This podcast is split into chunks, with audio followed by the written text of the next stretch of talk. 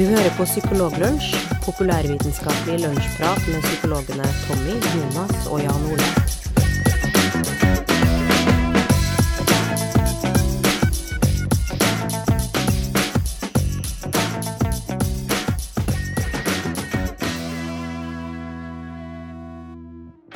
Yes, Hei og velkommen til Psykologlunsj. En podkast hvor det sitter tre psykologer, eller to psykologspesialister og en simpel psykolog, eh, i, på Vikhammer og på Hesttrøa og i Drøbak.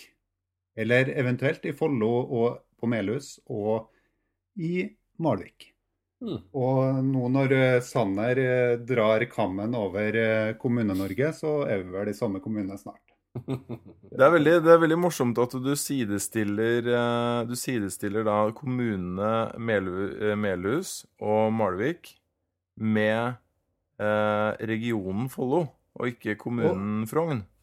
Ja, det er Frogn som er kommunen, ja. Ja, Det er det. vet du. ja Men det... er, er, det Drøb er det Drøbak som er kommunesenteret i Frogn, eller? eh, Ja, det er det. Det, ja. Da lærte jeg noe nytt. Hva er kommunevåpenet til Frogn? Det har ikke jeg fått med meg. Du, vet du hva? Eh, det er et godt spørsmål, det. Det har jeg aldri tenkt på. ok. I, Mel med, nei, I Malvik er det en uh, tiur. Aldri sett en tiur, men uh, I, på Melhus er det sikkert noe sånn uh, vikinggreier. Og så skal vi sjekke hva det er i Drøbak. Det er sikkert noe båtgreier. Uh, og da søker vi selvfølgelig på Ikke på kommunevåpen, vi søker på uh, Drøbak eller slash Frogn og heraldikk. Og da får vi opp Det er en, eh, en slags festning, en slags, eh, en slags borg, for vi har jo en Kanskje det er pga. Oscarsborg eller Seierstens eh, skanse. ja, det er det, dette. Da Det- lærte vi Det. Da lærte vi noe nytt i dag, og, men vi har også noe psykologisk innhold i dette programmet. Det, det er bl.a. en nyhetssak fra Tommy. Han skal snakke litt om eh, selvhjelp. Og så skal Jan Ole ta for seg et godt gammelt klassisk eksperiment i psykologien. Eh, Milgram-eksperimentet. Selv om jeg nå vurderer å ha et innslag om heraldikk istedenfor. Ja, det, det gjør det, ja. Da får vi se hva som eh, kommer til en Jan Ole etter hvert. Eh, Tommy, du ville snakke litt om selvhjelp. Jeg ville det. Det har jo seg sånn at eh, når eh, vi spiller inn Eller da vi spiller inn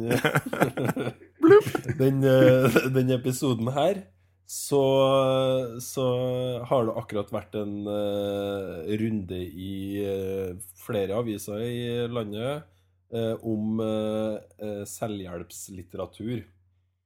Det er en dansk eh, psykologiprofessor som heter mm, Sven Brinkmann, som eh, skrev en bok for et års tid siden som heter 'Stå imot, si nei til selvutviklingen', som nå har blitt eh, oversatt til norsk og gitt ut i Norge. Og i den forbindelse da så har det vært uh, opptil flere intervju med denne mannen i diverse norske nettaviser, hvor han eh, da går til angrep mot eh, selvhjelpslitteraturen og det store fokuset på selvutvikling og selvrealisering. eh, og også lite sånn sidespark til coachingindustrien, da. Uh, regner med dere har lest noen av dem, eller i hvert fall fått det med dere litt. Men jeg lurer bare først på hva, hva egentlig dere tenker om det. Har, hvilket forhold har dere til selvhjelpslitteratur? Jeg har et meget øh, frynsete forhold til selvhjelpslitteratur. Jeg, jeg er nok ikke typen som egner meg til å øh, Selvhjelpes. Peppes, peppes av eh, sånne selvhjelpsbøker. Og jeg har forsøkt å lese det. Jeg har lest for eksempel Bli best med mental trening av Erik Bertrand Larsen. Eh, jeg gikk ikke akkurat inn i den boka med et positivt og åpent sinn. Og jeg kom ikke ut av den boka med et positivt og åpent eh, sinn. Det var så mye floskler at eh, Ja, det, det, jeg tror nesten at du kan lese engleboka til Märtha og, og snuble over færre floskler enn du får i den boka der. Mm. Enn Ja, Jonas? for det, ja, det er jo litt sånn for, hva man forstår som selvhjelpslitteratur òg. Det, det, er jo eh, sånn Når jeg hører selvhjelpslitteratur, så får jeg automatisk assosiasjoner til flyplass. Eh, altså det, de bøkene som er på flyplassene. Eh, gjerne under eh, egenutvikling, eller det står også ofte under helse. Det er en hel haug med sånne type bøker. Bli, Mm. slank på 1, 2, 3 og tenk deg tenk deg 20 kilo ned og sånne ting. Eh, Men, men du har jo også en del annen type selvhjelpslitteratur som, eh, som er basert på mye eh, psykologiske metoder eh, innenfor kognitiv terapi og sånne type ting. Men dem finner du jo ikke på du finner jo ikke dem på, på flyplasser eller i, eller i bokhandler uten at du leter veldig nøye etter dem. da. Nei. Ja. Så, så, så jeg har ikke så veldig godt forhold til dere, dere flyplasslitteraturen heller, altså. Nei, og det, det er jo sånn, en må jo se litt på hva er det han her Brinkmann snakker om eh, når han egentlig går til angrep på selvhjelpslitteraturen. Han, han går nok mest til angrep på det som du omtaler som flyplasslitteratur. og Vi kan godt snakke litt om det her med den andre typen litt senere. Men jeg tenkte jeg skulle si litt om hva det er han For han, han har jo egentlig laga en slags uh, ironisk uh, selvhjelpsbok uh, til å bruke for å komme deg ut av selvhjelpsbok-helvete. Sånn at det er jo litt morsomt. Og han har da sju punkt som han lister opp i denne boka si, som da skal ses på som en slags motgift, da. Og det, det er litt humor, men han understreker jo at han mener det, da. Så punkt én, det er da slutt å kjenne etter i deg sjøl. jeg vet jo hva dere tenker om det, men det, jeg tror han liksom Han, han, han um, Det her med hele tida styre etter magefølelsen, da. Det her med å være tro mot deg sjøl og liksom la, la kroppen si fra, og la deg sjøl si fra og gi deg sjøl rettledning. Eh, Mm. Du, Jan Ole, som er veldig opptatt av eh, Daniel Kahneman og tenker, tenker raskt og langsomt, hva, hva tenker du om det?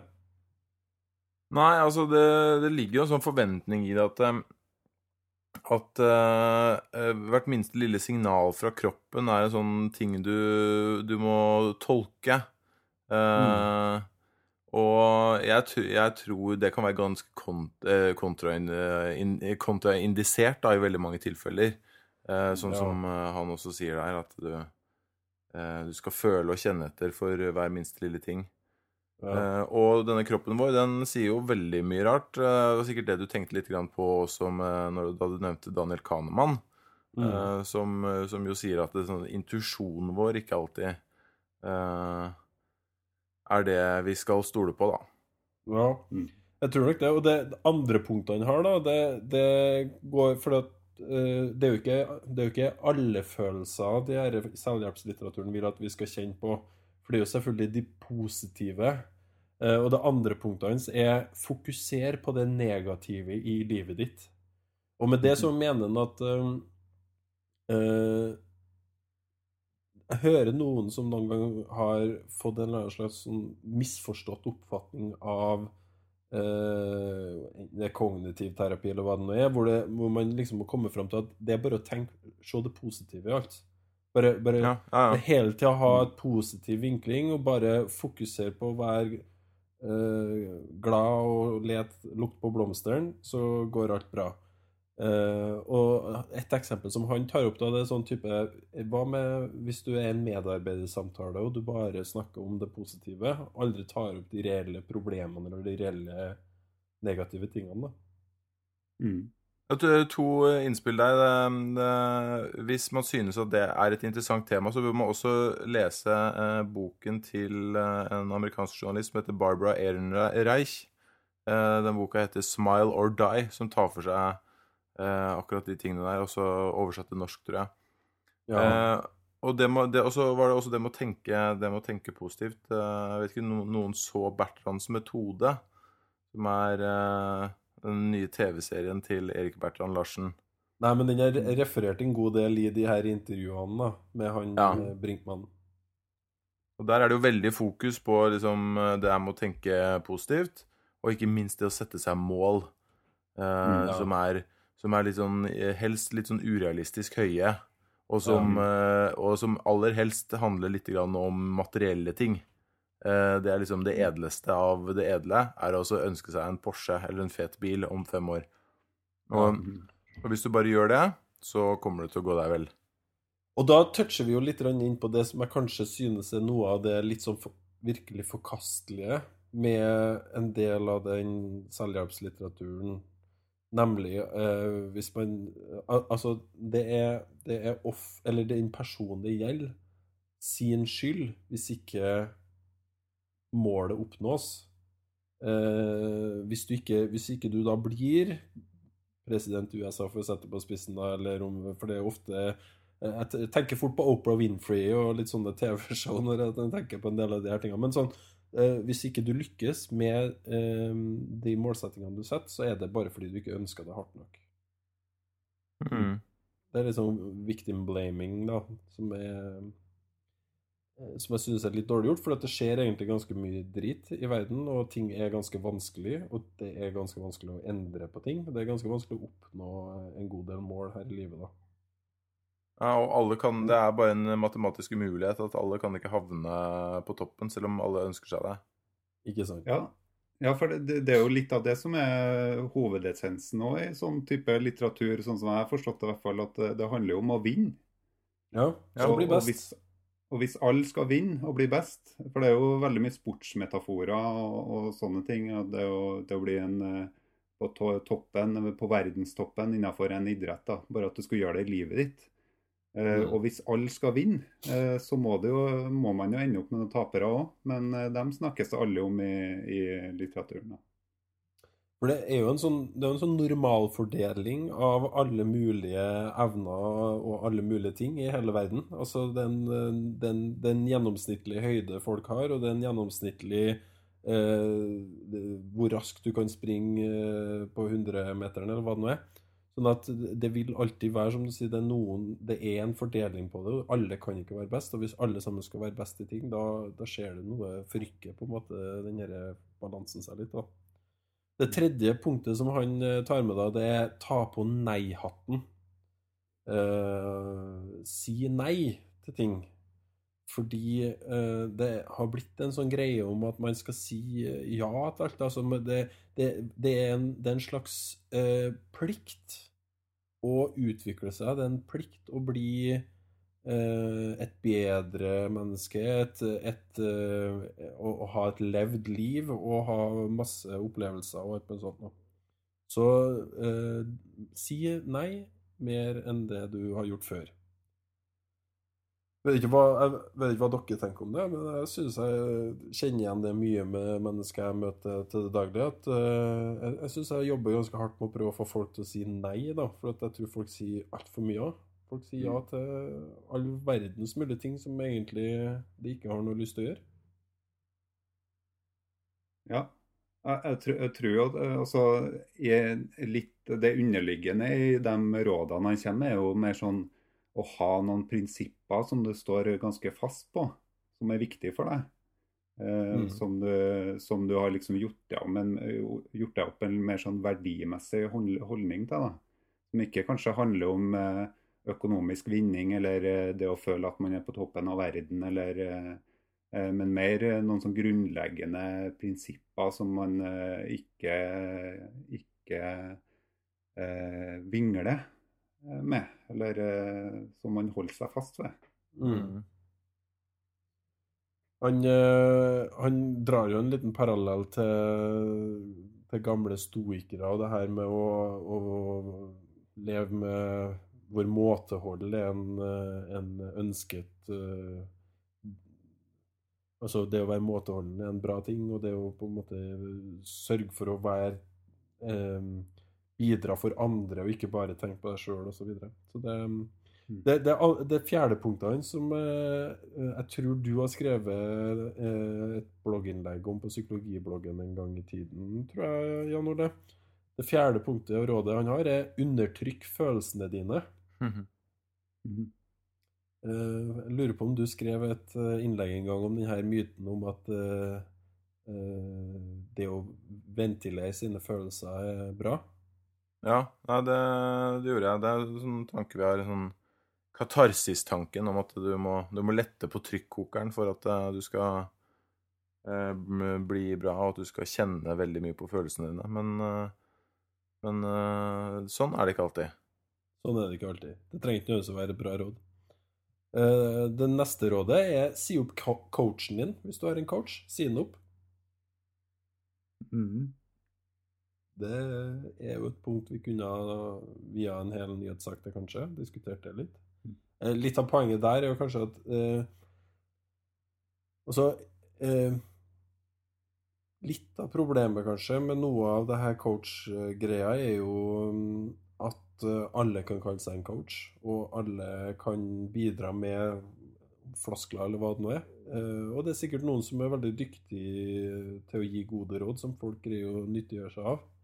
Eh, Men det er nok en god del som ikke er så eh, lurt å lytte til, som understøtter kanskje noe av den akkurat det problematikken han Brinkmann tar opp. da. Eh, Det eh, sjette punktet han tar opp, er les romaner, ikke selvhjelpsbøker. Så med det mener han at la selvhjelpslitteraturen ligge, og utvide horisonten i stedet med god litteratur og få innblikk i eh, hvordan andre mennesker eh, lever og har håndtert utfordringer eh, gjennom eh, god litteratur. Og det siste punktet som han, det siste rådet han gir, er dvel ved fortiden, hvor han da irriterer seg litt over det her fokuset på å være i nuet hele tida. Det, det å være så til stede. og, og at ikke det nødvendigvis trenger å være så bra. Eh, man skal jo ha man skal ha visjoner framover og alt mulig, men man skal ikke hindres av alt som har vært av ballast, eller hva det nå er. Men vi alle sammen har en, en historie, alle sammen har eh, røtter, og, og eh, alle hendelsene som har hendt oss, har formet oss til den vi er. Så, så eh, man kan ikke bare leve i nuet med de de drifter eller impulser eller ideer som man har akkurat der og da. Ja, altså det, det høres ut som man eh, er litt innpå at du ikke skal, ikke skal rømme fra eh, ubehagelige ting som skjer i livet ditt. Du skal du- du faktisk eh, dvele litt ved det og bade litt i det. Kan, eh, men, men det er jo sånn, han går jo eh, Når man lister opp sånne type eh, punkter, så blir, blir jo dem òg ganske sånn eh, bastant, da, sant? Mhm. Sånn at, eh, sånn at eh, man kan jo altså eh, Kanskje eh, det beste er jo å ha et fleksibelt forhold til, til mm. det ubehaget man har og, og fortida si og sånn, men å ikke ha problemer med at, med at fortida kan hente igjen det, og at minner kan hente igjen det. og og at du kan ha negative følelser uten at du hater deg sjøl for det. At du aksepterer at du, at du er negativ Mm. eller uh, har vonde tanker om, om hendelser. Og, og det, det du sier der, tror jeg egentlig er det, det nøkkel... Eller det, det hovedpoenget som jeg sitter igjen med etter å ha lest alle de artiklene og kritikk til Brinkmann her igjen nå. Fordi eh, uansett hvordan du snur og vender på det, så i de fleste tilfellene så er, er det ingen quick fix, det er ingen enkel måte å endre på sin atferd og sin væremåte og sin måte å forholde seg til verden på. Det er ikke bare å lese 50 sider i en uh, selvhjelpsbok, og så har du plutselig skjønt noe du ikke skjønte før. Mest sannsynlig så har du antallevis muligens vært inn på de tankene sjøl også. Det, det, å, det å få innsikt i at man skal være snill og grei med seg sjøl og osv., og, og prøve å ikke, ikke øh, involvere seg i alle mulige negative aktiviteter, enten røyking eller drikking eller spise usunn mat eller hva det nå enn er.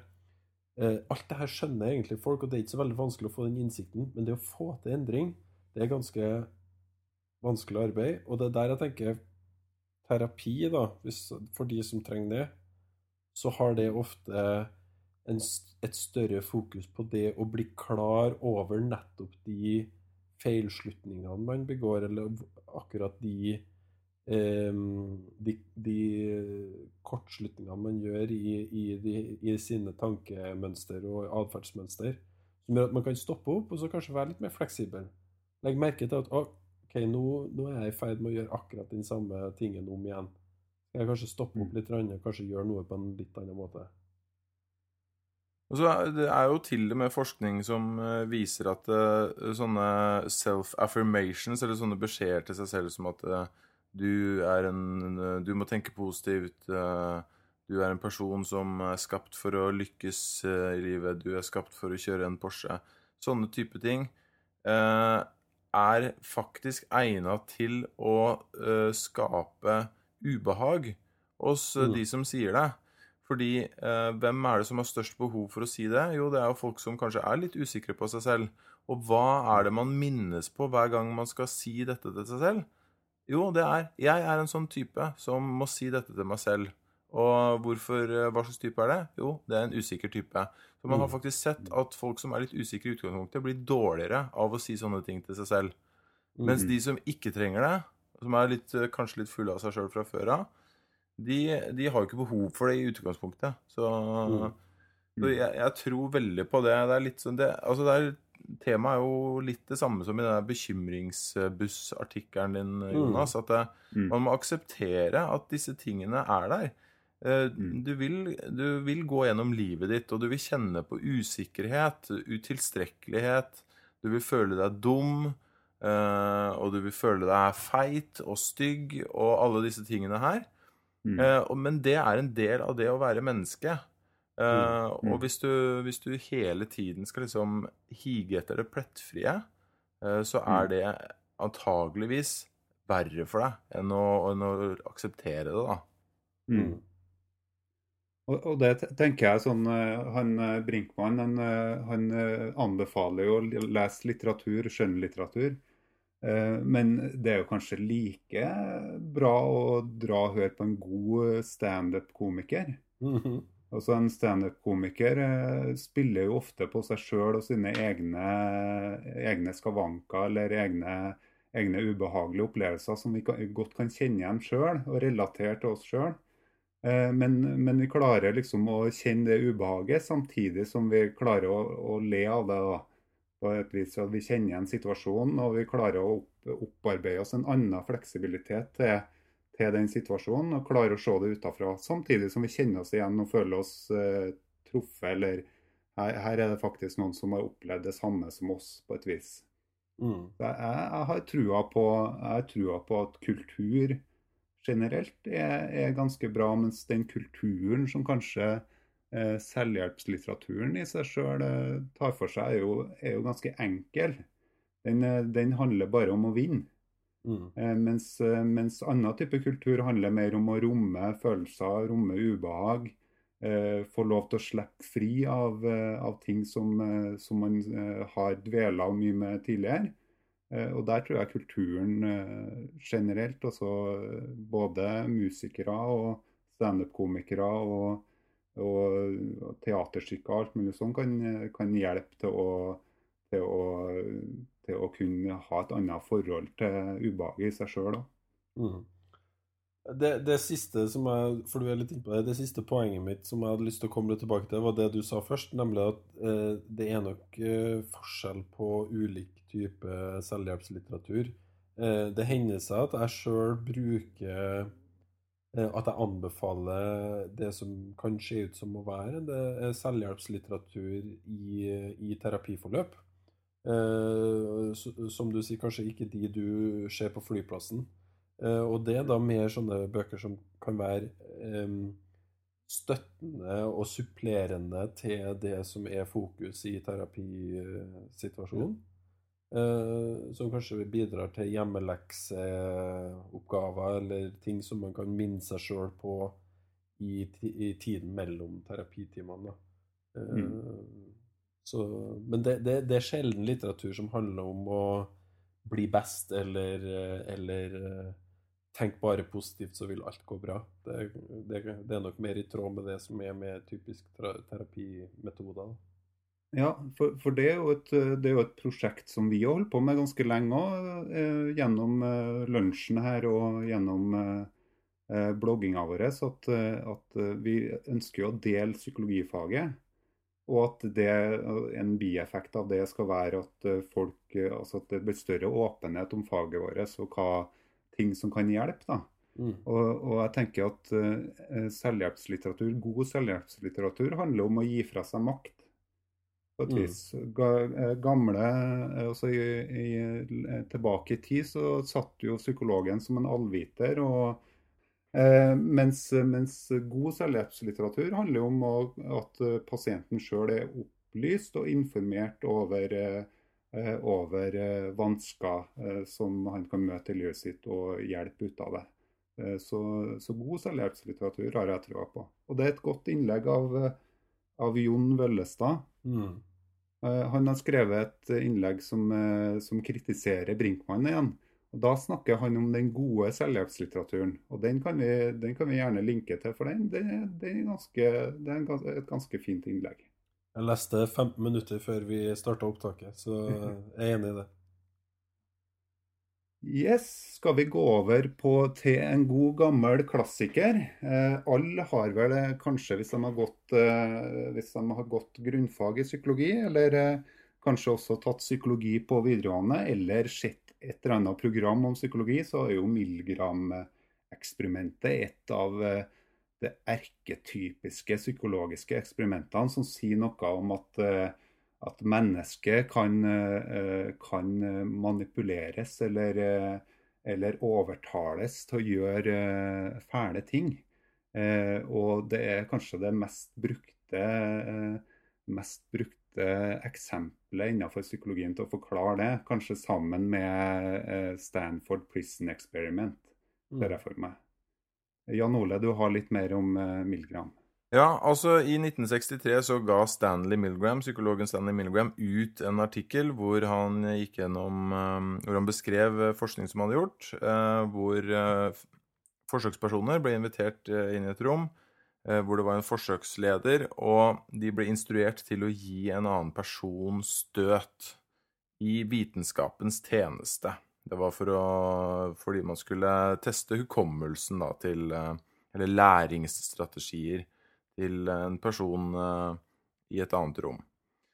Og det er ikke så veldig Jeg regner med at de fleste kjenner til det, så, men poenget er i alle fall at konklusjonen til Milgram i dette eksperimentet var at vi mennesker er lydige av oss, uh, og vi er i stand til å påføre andre mennesker stor smerte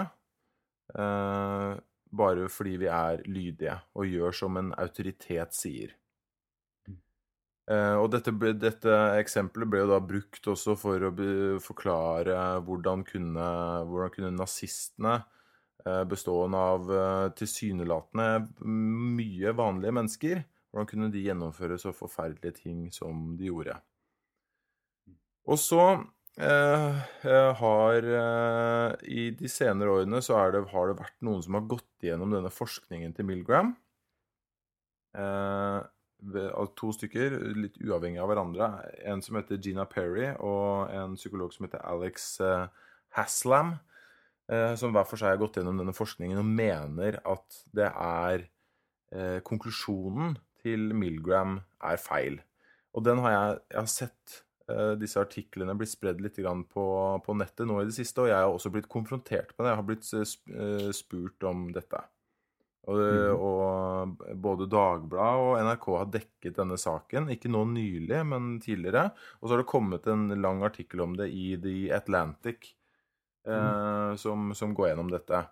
Og så tenkte jeg bare eh, Jeg synes det er litt snodig eh, at eh, det har dukket opp. Jeg er sånn Jeg skjønner meg ikke helt på kritikken, men derfor skal jeg prøve å forklare, eh, forklare hva det går ut på, da.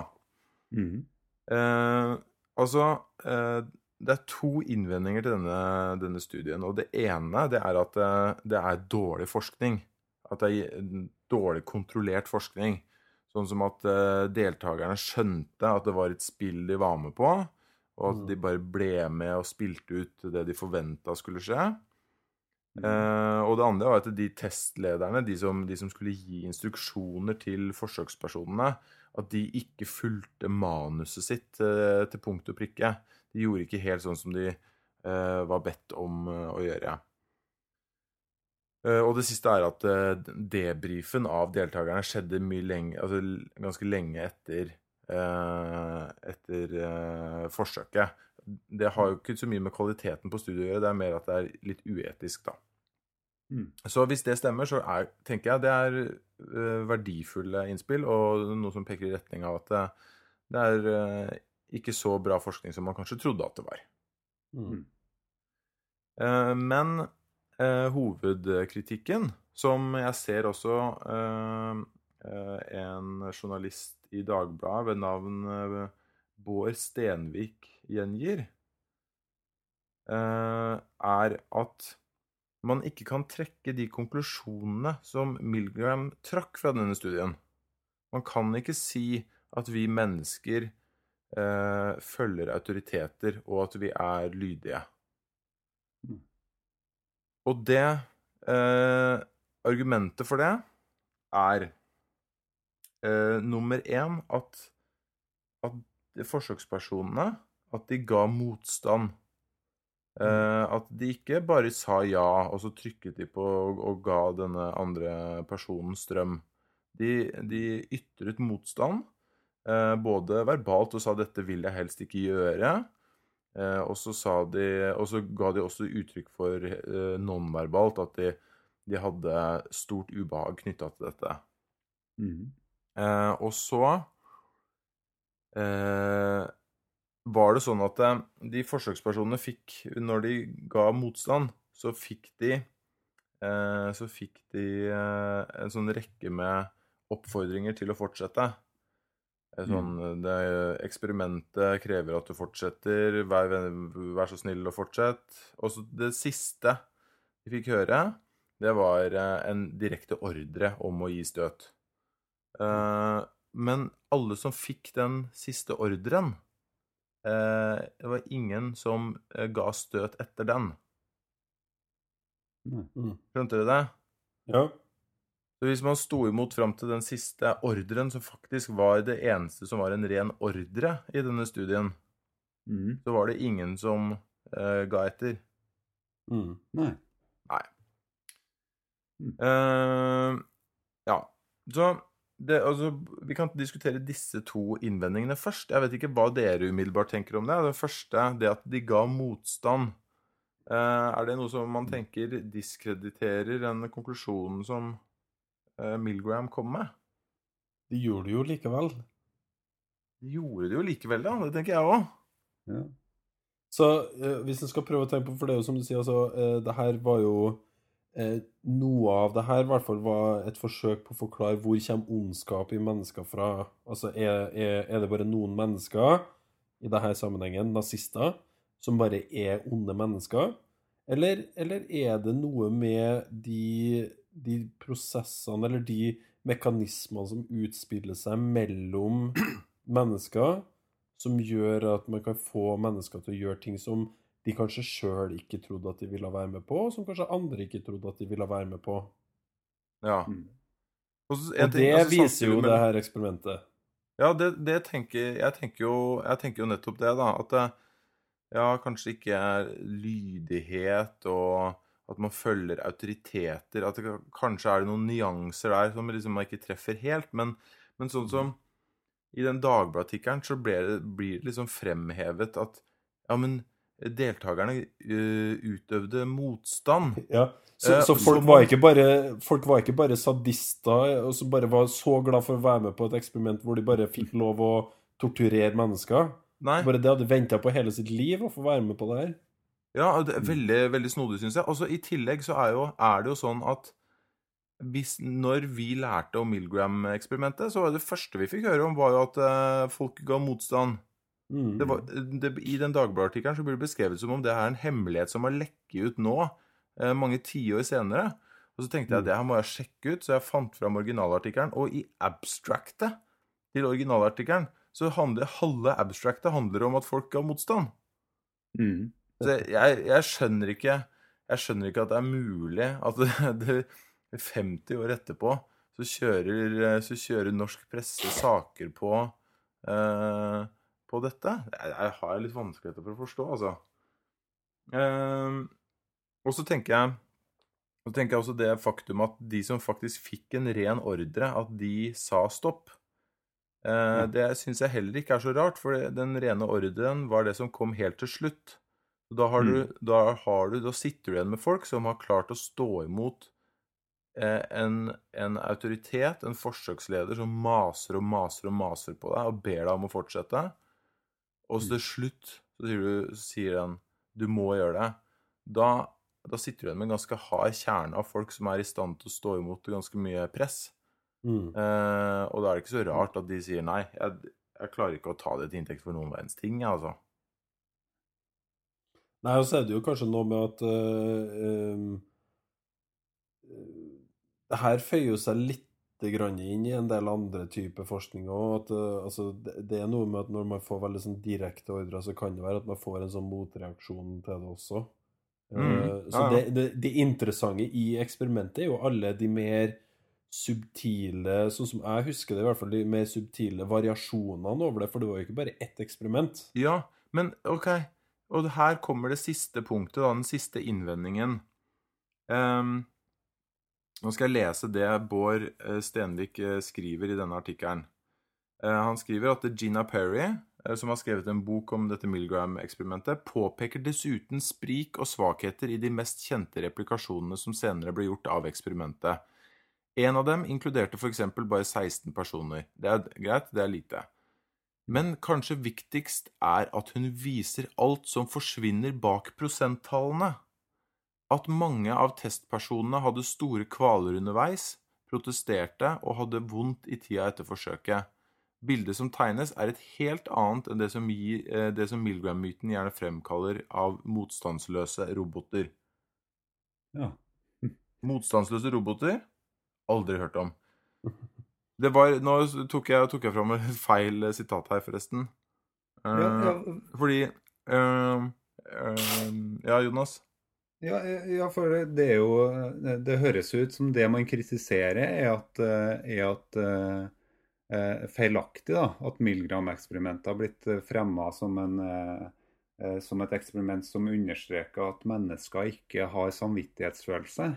Mm. Ja. Og, og det, det er jo ikke det som eh, Milgram-eksperimentet handler om. Det handler om at mennesker med samvittighetsfølelse og med empati for andre kan bli lurt med på å gjøre ting som, eh, som bryter på tvers av det de egentlig følelsesmessig kjenner. Ja. Altså det som er viktig eh, verdimessig for dem. Ja. Eh, og, og det, er jo, det handler jo om den tvilen og dissonansen eh, som gjør at man ender opp med, med å gjøre handlinger som ikke er, ikke er bra. Eh, Ja, Ja. Og, og, og Milgram er det, det er et veldig viktig eh, eksperiment. Altså det, det har jo ikke kunnet blitt replikert så forferdelig mange ganger senere fordi at det er såpass uetisk, men det er et veldig viktig eksperiment, og det sier noe om for Sånn som jeg husker det, altså det var veldig mange variasjoner av de eksperimentene, sånn som eh, eh, en person som da eh, styrer eksperimentet med labfrakk og uten labfrakk. Eh, er man til stede i rommet med personen som får støt, eller sitter man bak en glassvegg, eller sitter man i et helt annet rom og du ikke ser personen? ja men, Ja. ja og, men det at det var Det var det siste punktet mitt. Det var at det, at det var store variasjoner eh, i utfallene. At du hadde noen, eh, noen eh, forsøk hvor du nesten fikk 100 som ga maks støt. Og i andre forsøk, når de var i, i, til stede i rommet med eh, offeret, eh, var det nesten ingen som gjorde det. Det at det var variasjoner, blir også i denne Dagbladet-artikkelen brukt som et eksempel på at eh, vi ikke kan eh, At konklusjonen til Milgram ikke stemmer. ja det, veldig, det, veldig det skjønner ikke jeg, fordi at det, det er jo Det her står i alle, alle- grunnfagsbøker. Ja, det gjør det. Det har jo vært der hele tiden. Og det er jo Milgram selv som har gjennomført disse variasjonene, og som har reflektert rundt det. Så Ja. jeg har Ja. Ja, for jeg ser du blir veldig oppbrakt av det her, Jan Ole. Det er veldig fint. Eh, men, men for poenget mitt er at eh, altså, Milgram-studiene, eksperimentene, er viktige nettopp fordi at de sier noe om hvorfor det er vanskeligere å stikke en bajonett i brystet på en person eh, enn å slippe et trykk på en knapp som, som på en måte utfører et droneangrep eh, på andre sida av jordkloden, hvor du ikke er til stede, og noen andre gjør det for deg. Så det Mm. sier noe om Mm. hvordan du kan Mm. greie å både gjøre det, og gå hjem og leke fotball i hagen med barna dine, eh, og gå til kirka og alt mulig sånt. Så det, det forklarer noe om det komplekse i menneskelige atferdssystemet, da. Og, og eh, jeg tenker at det, om det liksom handler nøyaktig om lydighet eller ikke, det for meg så er ikke det det interessante. Og jeg har aldri tenkt på det som liksom, dette handler bare om begrepet lydighet. Og, Mm. man, eh, og, og jeg blir ikke liksom dypt sjokkert over at det, eh, man kanskje ikke har isolert lydighet som fenomen Mm. godt nok. Og, jeg, og bare for å ha sagt det, så er det jo åpenbart at det kanskje også eh, en del av denne forskningen ikke var 100 eh, Kanskje ikke etisk helt bra. Eh, Og, og, og kanskje sånn metodologisk dårlig gjennomført, tenker jeg absolutt er verdige kritikker. Men, eh, men sånn, sam, den kritikken her, sammenlignet med den kritikken som er, har kommet mot Stanford Prison Experiment og, og Philip Zimbardo sitt eksperiment, det, er jo, det kan jo ikke sammenlignes. Altså, Stanford Prison Experiment har jo, er, er jo i ferd med å gå inn i historiebøkene som litt en sånn selskapslek eh, blitt nesten. Hvor man, eh, hvor man faktisk har prøvd å gjennomføre dette på nytt uten eh, at eh, eh, Uten at eh, forskeren selv står midt i heksegryta og, og pisker opp stemningen. Og da har man ikke fått samme, eh, samme resultat i det hele tatt. Eh, så jeg vil si at kritikken mot det eksperimentet er, er jo mye sterkere. Men det er jo litt interessant at vi sitter tre psykologer her, og jeg blir ganske oppgira og litt sånn rødlette i fjeset. Fordi jeg tror det er noe, det er noe med, med både Dagbladet-journalister og mennesker ellers som egentlig har veldig lyst til at Milgram sine eksperiment egentlig ikke var helt sånn som, man, sånn som de ble beskrevet at de var. Fordi at det er, det er noe ekkelt og noe litt ubehagelig å tenke på det. At vi kan påvirkes på den måten, og at vi kan kanskje ende opp med å gjøre ting som, som vi egentlig ikke står for, som er i strid med handlingene våre. Så det, det er nok noe med Kanskje, kanskje det er noe med det, at, at det, det er litt sånn forlokkende det å, å kanskje få lov å si at det her ikke er helt eh, sånn som vi først trodde det var.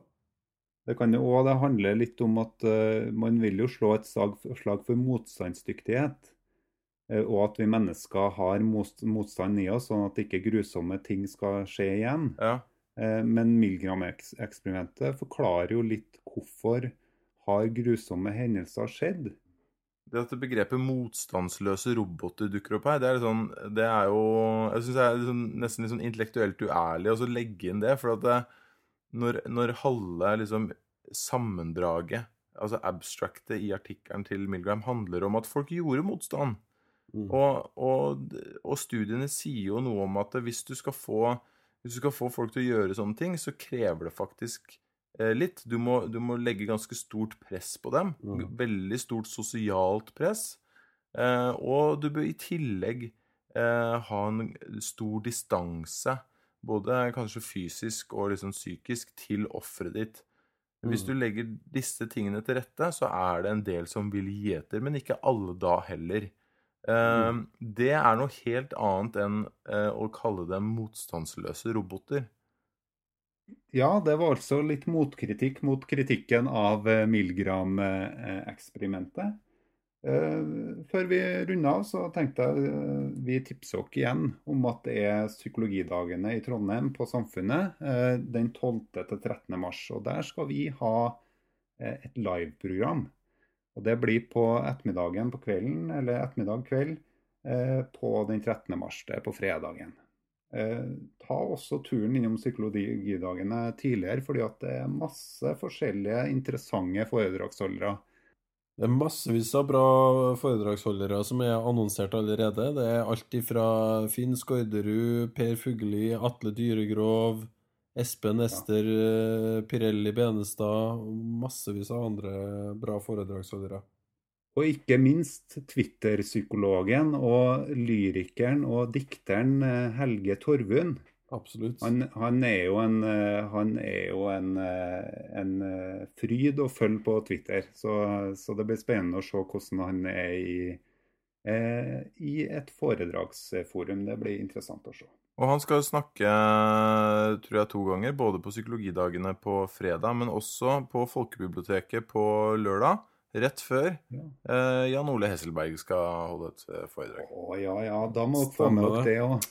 Eh, og det blir jo fantastisk. Og da kan dere jo, i forbindelse med at dere tar en hel Viken i Trondheim, så, så tar dere en tur innom alle restaurantene og mye fantastiske ting vi har her i, i Trondheim. Ta en tur på Estra og be- en Tommy. Ja. Nei, det er ikke noe vits i, fordi på den lørdagen så er det rett og slett Trondheim Whiskyfestival, hvis at noen har interesse for det. Oi, det er det. Så dra på Trondheim Whiskyfestival, og så dra på Jan Ole Hesselberg sitt eh, foredrag på Folkebiblioteket. Da takker vi vi for oss og si eh, på gjensyn.